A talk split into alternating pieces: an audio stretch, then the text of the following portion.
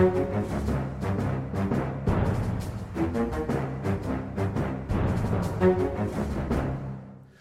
da er vi i gang igjen med Aftenpodden.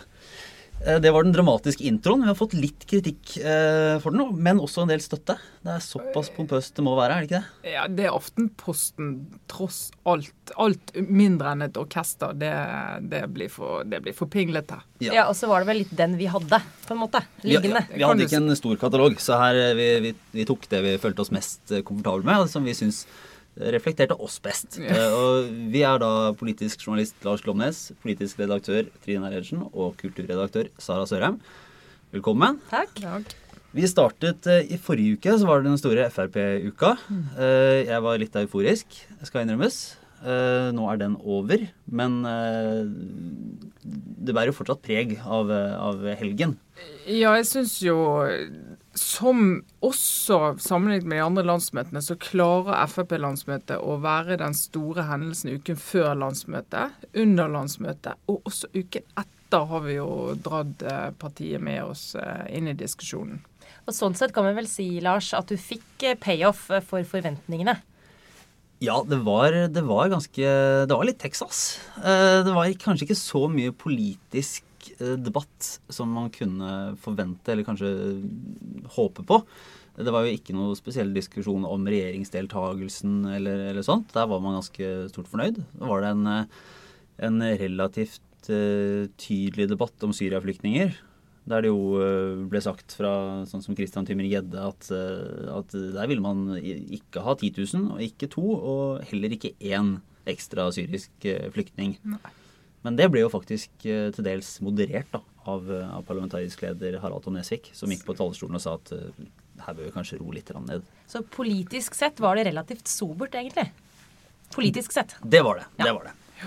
Men det er jo en del action likevel. Det var jo litt, får litt følelsen av at det kanskje var et sånn landsmøte litt fra gamle dager. Eh, Med ganske høy temperatur og, og en, en ganske, ganske ordentlig fest på, på lørdagen. Eh, Aftenposten hadde jo et portrett av eh, innvandringspolitisk talsmann Mazyar Keshvari på lørdag. Uh, og du kan jo trygt si at det var ikke spesielt populært i store deler av Fremskrittspartiet.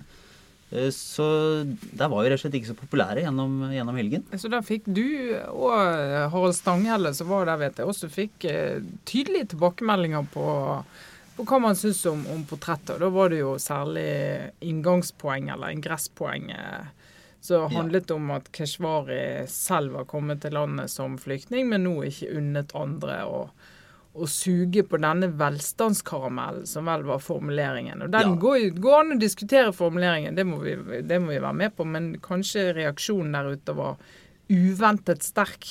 Ja, det var i hvert fall, det var i hvert fall uh, høy temperatur, og både, ja, både Stanghelle og, og jeg fikk passet tydelig påskrevet. Både, Ja. på, uh, både på dagen og til kvelds. Ja, ja, ja. Kanskje særlig på kveld, da. Kanskje, Kanskje det ja, er lov, lov, å- Det er lov å si det. lov å si det. Ja. Ja, ja. Det er vel en klassisk motsetning som kom, kom eh, til syne der, mellom uh, Folkets parti og eh, ja, hva er det vi skal kalle oss da? Eller hva er det vi blir kalt?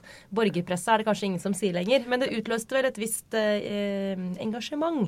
At de opplever vel at han blir feilaktig fremstilt, da. Eh, og så kan man diskutere det. Det er ikke sikkert at vi var så presise som det er mulig å være i den ingressen. Samtidig så er jo ikke han heller akkurat eh, en eh, politisk feinschmecker i sine uttalelser. Eh, så det er vel litt begge veier. Nei, så er det jo en diskusjon som jeg vet Han, han nevnte jo det i portrettet selv, da, at eh, det at han er innvandrer, har innvandrerbakgrunn, betyr det at han må mene spesielle ting i innvandringsspørsmål? Eh, Jeg syns det er et relevant spørsmål. Mm. som de, vi, vi tar ikke skade av å reflektere over det. Men ut i uken så er det jo T-skjortegate, kan vi si det? Vi er i ferd med å få det- T-skjortegate. Og- Eh, Du var der søndag morgen da, da ukens mest omtalte T-skjorte dukket opp. Du, reagerte du på det da? Nei, altså jeg la vel i og for seg merke til at han hadde T-skjorte. Og det vi snakker Eh. om nå, er Per Sandberg sin Good Journey-T-skjorte. Den maritimt tematiske T-skjorten som noen oppfattet som upassende, siden det var en debatt om Syria-flyktninger og også Og ikke minst Middelhavet. Middelhavet og båtflyktninger. Eh, Og det, ble vel, da, det er noen som da har eh, ment at dette var en slags hilsen hjem. Da, eller en, eh, at det var, Noen mener at det var direkte upassende og en slags provokasjon. Andre mener at det var eh, en, Ja, en slags, sånn plan. subtil, en subtil hilsen fra Per Sandberg. Noe han jo ellers ikke er spesielt kjent for å drive med. Han er ikke Jeg vil si nesten forbi avansert uh, i budskapet, hvis, hvis det var planlagt. Noe han da avviser sterkt Ja. at det er. På, på det sterkeste, vil Ja. jeg si. Og det skal sies, jeg oppfatta ikke det som en, som en spesielt som en, eh, en planlagt aksjon. Jeg hadde tenkt vel mer at det kanskje, kanskje var noen som hadde hatt litt dårlig tid på søndag morgen etter en litt lang lørdag kveld. Som Ja. det ble for flere av oss på, på landsmøtemiddagen. Der er det ikke forskjell på pressen og delegatene, egentlig. Det blir ofte lange kvelder. Ja, det er jo en del av pressens oppdrag å, å følge med på Følge det som med, skjer. Og da, da gjelder det å være på plass. Men det er helt om natten, helt om dagen, så vi stiller i landsmøtesalen når eh, forhandlingene begynner eh, klokken ni vanligvis. Jepp. Vi gikk en ekstra time Fikk eh, klokken hos, ti på Frp, ja. Ja, det syns jeg er ålreit. Der, der syns jeg de viser seg som litt sånn eh, rasjon, altså, ras, Den rasjonelle stemme. Det er ikke noen grunn til å stå opp før ti på søndag. Så det er streit. Men uh, dette med klær og politikere, det er jo et uh, alltid tilbakevendende ja, tema. Fordi dette er jo ikke Og det er kanskje første gangen en T-skjorte har uh, vekket denne typen harme. Men det er ikke første gangen at en politiker kler seg, la oss si, uheldig. Det har skjedd før. Det har skjedd før, og, og det er jo Ja, klær skaper folk og kan til dels skape politikere. Jeg har sittet, har sittet og, og laget en sak denne uken om som er sånn bare litt på sida av morosak, om, eh, om andre sånne kles... Om ikke blemmer, så i hvert fall eh, påkledninger som har, bekledning som har gitt reaksjoner. Eh, Og et av eksemplene her er jo da i og for seg Angela Merkel, som kom til åpningen av operaen i Bjørvika. Ja. eh, I en kjole som var såpass utringet at jeg tror nordmenn flest tenker mer på henne i den kjolen enn på henne som Europas kanskje mektigste kvinne. Ja, faktisk. Desidert mektigste leder. Det må vi nesten si. Ja. Og det er, jo, det er jo den store bøygen med å være særlig kvinne, da. Uh, at du, hvis du viser at du er kvinne i for stor grad, så er det litt kjørt. I hvert fall i, i situasjonen. Men jeg husker jo veldig godt Jørgen Kosmo som forsvarsminister på Nato-utenriksministermøte. Det er et ikonisk bilde. Det er et ikonisk bilde med det store offisielle oppstilte bildet med alle de mørke dressene. Og en litt sånn, hva skal vi si, påskegul, kremgul eh, sommerdress helt ytterst eh, der. Han skilte seg ut. Skilte seg ut, skilte seg ut. Men det rare er jo at eh, Kosmo kom kun styrket Kom ut kun av den Kun styrket ut av det, for da har du den gøyalfolkelige. Og det tror jeg, uten at alt handler om kjønn, så tror jeg kanskje menn har lettere for å havne i den gøyal-kategorien og litt sånn sjarmerende annerledes enn damer som bommer liksom helt på eh, klesvalget. Men eh, akkurat eh, Per Sandberg tror jeg ikke helt uh, klarte å havne i Han havna ikke på Kosmo-siden. Han havna mer i 'dette var verken fint eller smart'.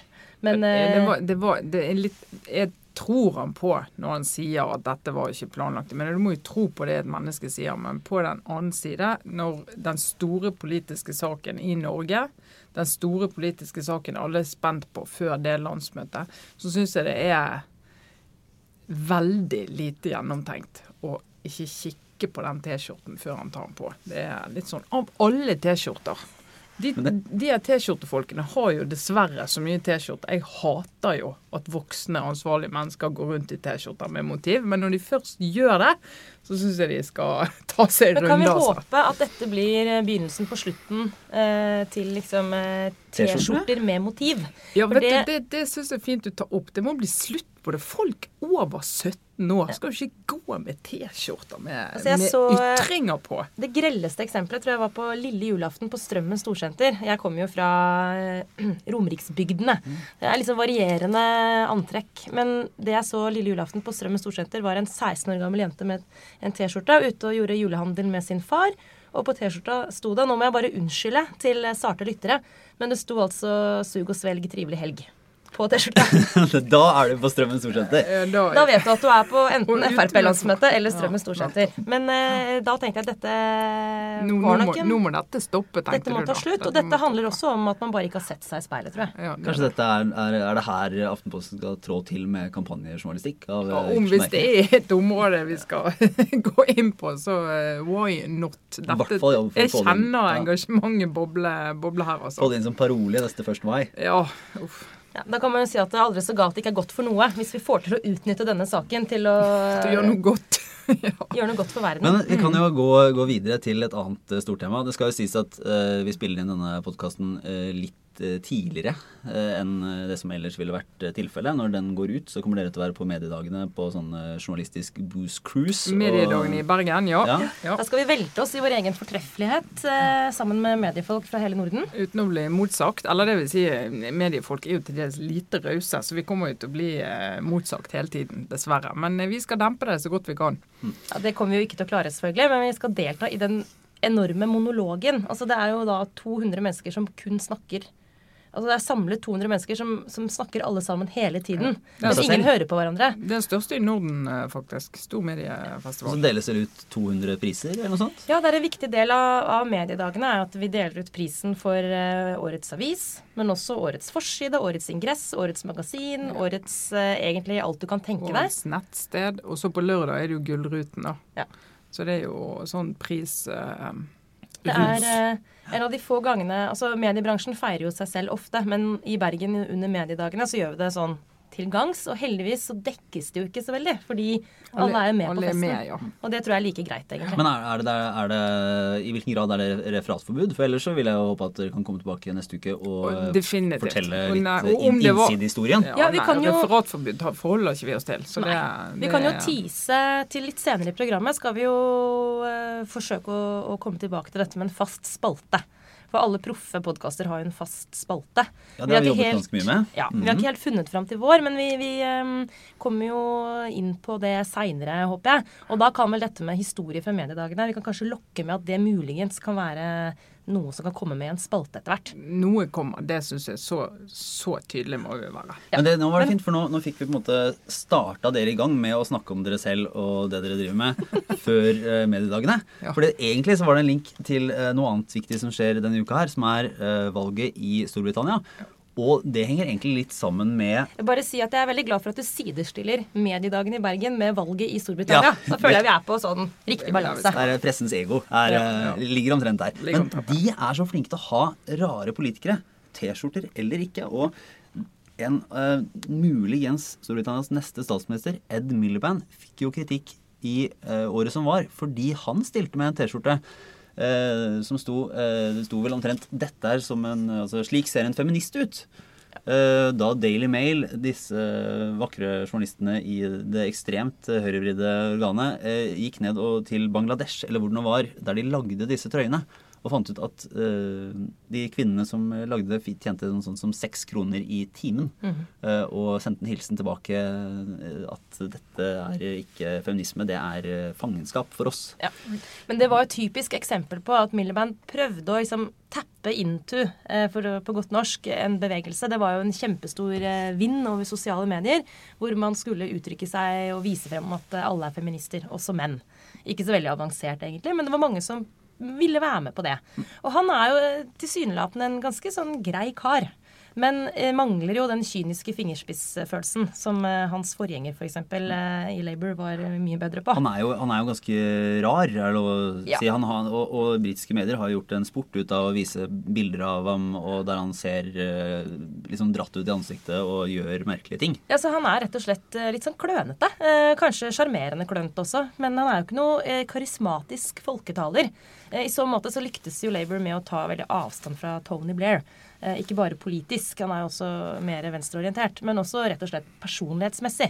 Ja, han Eh. var vel det karismatiske parentesen i, i britisk politikk, eh, Tony Blair. Hva? Nå er vi Ja, altså en parentes. Nei, jeg mener jo omvendt, Trine. Jeg mener jo at han var verdens mest karismatiske person. Ja, men det er det jeg mener. Og nå er vi tilbake igjen til ikke-karisma-tradisjonen. Må vi kunne si på begge sider av eh, skalaen her. Jeg trodde nemlig et øyeblikk at vi nok en gang måtte Nei, havne nei, i den gode, gamle alle hater Tony Blair-situasjonen. Som Å jo nei, nei, nei. Nei, nei, nei. Her vi hater ingen. For du er en, du er en stor eh, Eller ja, en Tony Blair-fan. Altså, jeg mener jo Han satt jo for lenge.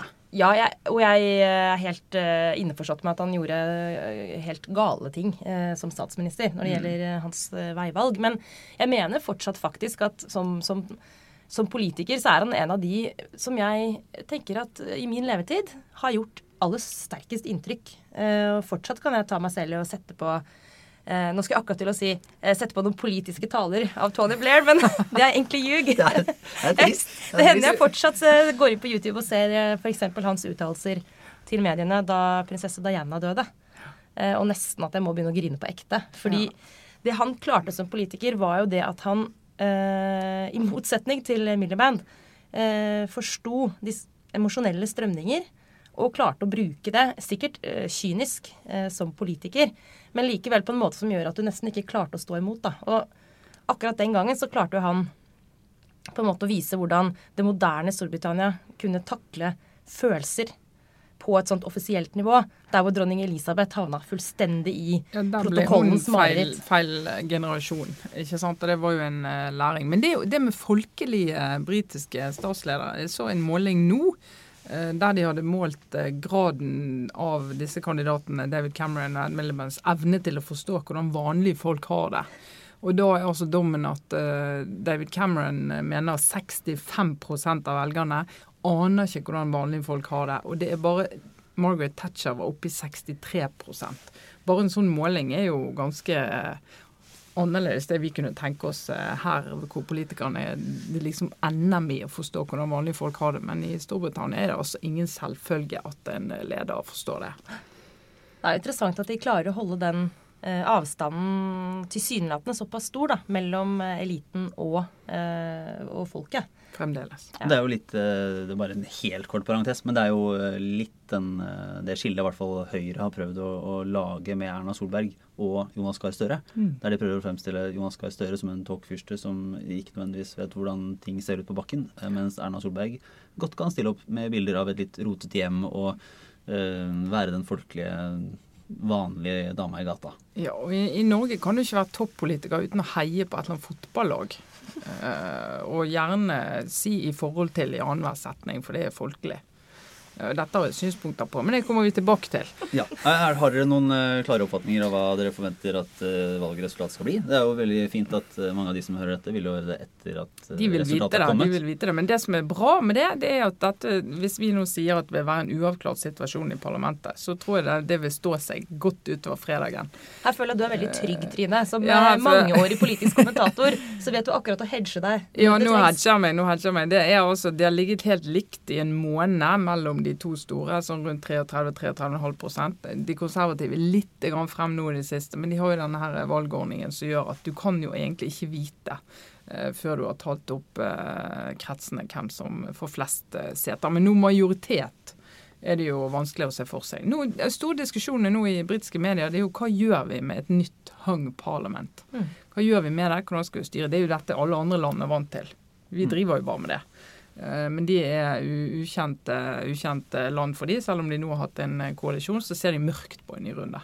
Ja, og den koalisjonen som har vært, har jo ikke vært noe, noen spesielt positiv opplevelse for liberaldemokratene og Nick Clegg. De har jo, han gikk jo fra å være Wonderboy til å være en sånn patetisk skikkelse Ja. som Ja. alle nå ler av. Fryktelig, fryktelig, fryktelig reise, som det heter, som eh, politiker. Og når han eh, ikke klarte det, som eh, hadde en valgvinn eh, Og Det er vel egentlig bare Tony Blair, Blair fra, fra de siste årene som man kan sammenligne det med. Eh, forrige valg i Storbritannia, og som jo tok partiet sitt til eh, helt nye høyder. Altså Nick Clegg. Men eh, når han trynte såpass eh, grundig, egentlig, som han har gjort Han har ikke fått til veldig mye. Han har kanskje klart å stoppe en del saker, men han har strengt tatt ikke klart å forme Storbritannia eh, i regjering. Eh, når han ikke klarte det, så er det veldig vanskelig å se for seg at det skal komme en annen eh, kandidat inn nå, selv om du har en type som Farage f.eks., som jo eh, vil få ganske stor oppslutning, men som, men som, uansett ikke vil få den typen innpass. Eh, så. Og som uansett vil få ganske få seter, nettopp ja. av denne valgordningen. Det så var at uh, UKIP, da, som er dette litt elleville anti-EU-partiet. EU, uh, anti det meste? Ja, veldig mot mye av det som jeg syns man skal være for. Men han uh, Altså, de ligger jo an til å vinne i en god del kretser over torgene. Så da betyr ikke at de får seter i parlamentet, men at eh, Labour får det. Og det er jo sånn det er. Og da kan de liksom de, Den lille styrken de har, gjør bare at de svekker de konservative. Så men det er jo det veldig, det, det, Krets for krets, altså. Til trøst for uh, Hvis han blir litt sånn lei av uh, det norske systemet, så kan han bare trøste seg med at det britiske valgsystemet er faktisk uh, både utrolig vanskelig å forstå, og sannsynligvis også ganske destruktivt. Ja, Det bygger på et topartisystem. Ja. Det passer ikke til et fragmentert, fragmentert politisk system. De har jo hatt folkeavstemning, og de vil jo fortsatt ha det, men de, ja, det er på tide å slutte med det. Må Noe annet si de jo har, som jeg egentlig heier på, men som de jo sannsynligvis også burde kvitte seg med, er jo kongefamilien sin. Det kommer ja, for, ikke til å skje. Men vi må jo bare nevne det før vi går videre, at det har kommet en prinsesse denne uka. Ja, det, det syns jeg er riktig å nevne. Charlotte Elizabeth Diana. Vi har jobba litt, kan vi jo innrømme, eh, i forkant av denne podkasten med hvordan vi kan knytte det opp mot uh, aktuell politisk ja. snakk. Uten at det blir kunstig. Og der har vi en god, god, uh, god idé. Sara, gi ordet til deg. Du, du, ville, du, ville, du, du ivra veldig for å få dette med. Uh, og, jeg, jeg også gjorde det, jeg skal innrømme det. Ja, jeg var innom først tanken på om vi kunne bruke litt tid på å snakke om hvordan Kate så ut etter fødselen. Men det blir veldig vanskelig uten å, uten å bli nesten litt sånn bitter og, og, og angstbiter. Også uten å bli en helt annen podkast. Ja. Må, må kunne si det. Ja, det er, vi er ikke helt sikre på om det er dit. Du er enig i det, Lars? Jeg er enig i det, og jeg er ikke helt sikker på om det er dit vi vil gå. Nei. Uh, men ja, på den annen side så vil jeg jo ikke, vil jeg ikke overstyre ønsket og behovet for å snakke om ting. Nei, men, men det går fint an å ta ut det og snakke mer om, om eh, hvordan en rojal hendelse virker positivt for sittende makt. Ja, det var vel det vi endte opp med, var at det er faktisk relevant nå, eh, når det nærmer seg med stormskritt et valg, at det kommer en eh, ny prinsesse. Det pleier å samle eller i hvert fall skape litt sånn ekstra nasjonalfølelse. Og det kommer jo ofte godt med for den sittende regjering. Ja, for den statsministeren sitter, har vi sett i Norge. altså Med en gang det er noe kongelig hyggelig som skjer, så frem, står jo statsmannen eller statskvinnen eller hva det måtte være frem som en sånn person som alle tenker ja, nå sier du gode, riktige ting som jeg kan identifisere meg med. Du liksom hever det over det vanlige valgkampkjeklet. Eh, så jeg vet ikke hvor viktig det blir for resultatet, men for David Cameron han er nok glad for denne babyen av så mange grunner. Selv om han jo da er milevis unna Tony Blair når det gjelder å utnytte dette her eh, maksimalt. Eh, nok en gang eh, så tar jeg meg selv i å tenke ja, ja, Cameron, her ville Tony Blair ha sagt noe enda mye mer sånn emosjonelt og rørende og treffende. Som han gjorde f.eks. da vi nevnte Dianas bortgang.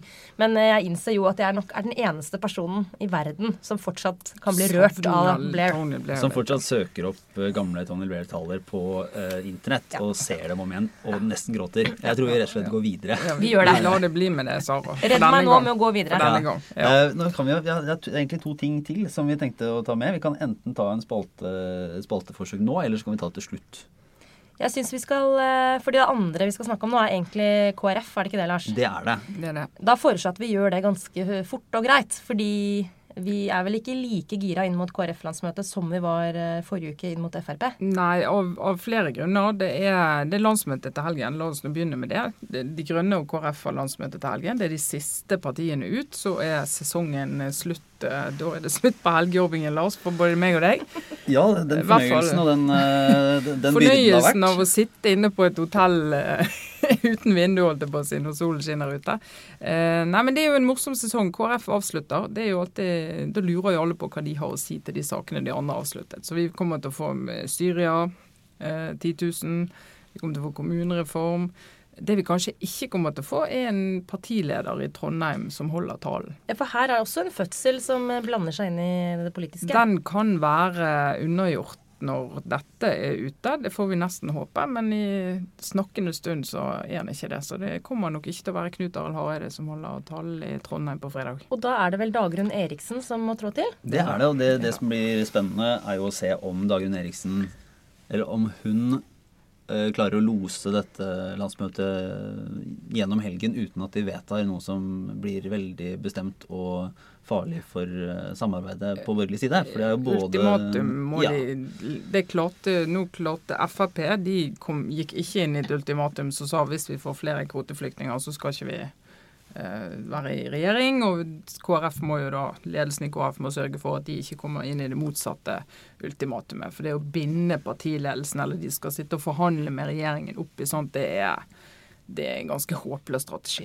Men blir det sånn, eh, dere kjenner KrF bedre, er det sånn at de eh, danser på bordet når eh, Kanskje ikke bokstavelig talt, men når lederen er borte, kan det bli form for mytteri, eller er de så veloppdragne at det har ikke noe å si at Hareide ikke er der for å kunne liksom svinge pisken og sørge for at de ikke vedtar noe som vil skape trøbbel for regjeringen? Hva er følelsen rundt Tror jeg kan ha litt med den sånn dynamikken der oppe å gjøre, men det er jo flere fylkesledere som har vært ute i dag og gått ganske langt i å si at at eh, det er et absolutt krav, dette med 10 000. Og så har jo eh, Knut Arild Hareide selv gått veldig høyt på banen når det gjelder søndagsåpne butikker.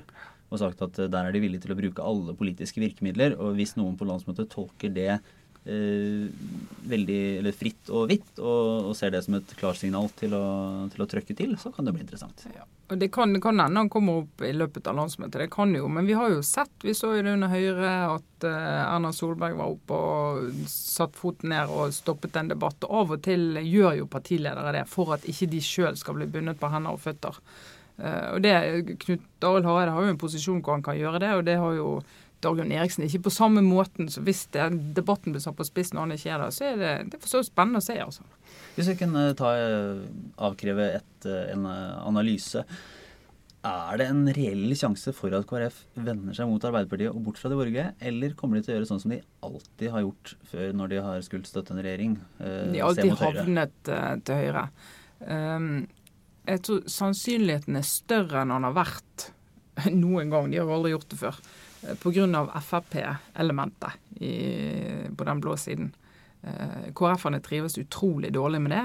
De gikk inn og støttet et regjeringsskifte med håp om, som ved et mirakel, at det skulle bli en sentrum-høyre-løsning.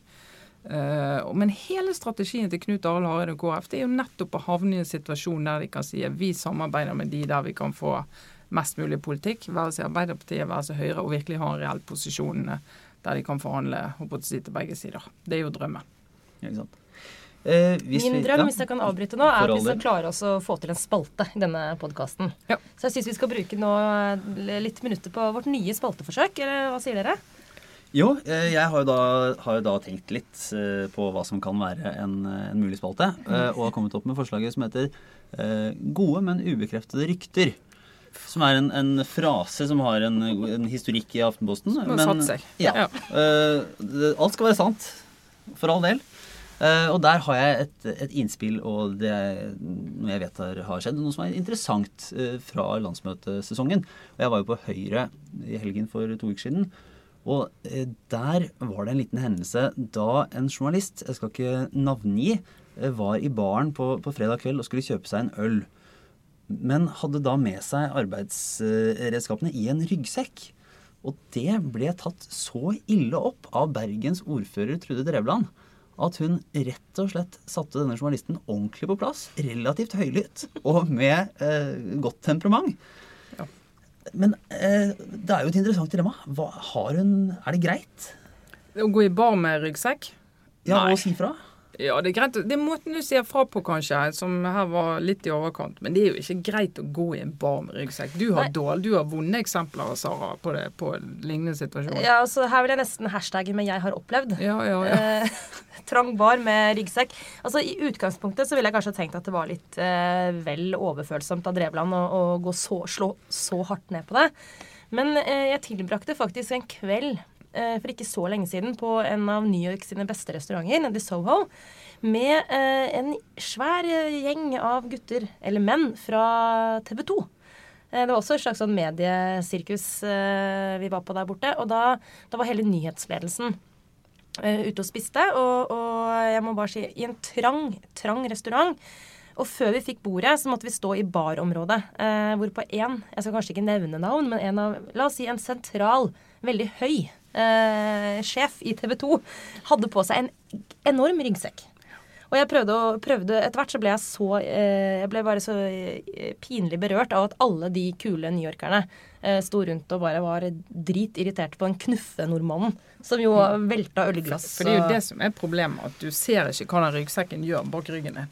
Det er direkte asosialt. Mm. Men jeg prøvde å påpeke det uten hell, kan jeg fortelle.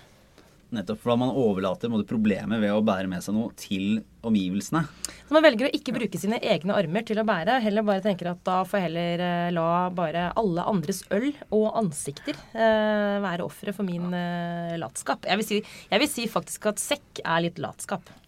Men det er norsk, det er norsk i sin sjel og sin kjerne. da blir det er vi rett og slett uh, aksepter, Vi aksepterer Trude Drevlands korreks. Ja, ja om, altså, lydnivået og, og skarpheten kunne Det kunne vært eh, skrudd ned et stykke. Men det å nevne at nå går du også i en bar med ryggsekk, kan du være så snill og la det være? Det må være greit. Så noterer vi oss, Trine, at du nå har sagt i en ganske offisiell setting at eh, lydnivå og skarphet på en bergenser med fordel kunne vært skrudd ned. Og Det det, er ikke bergenser, men eh, greit.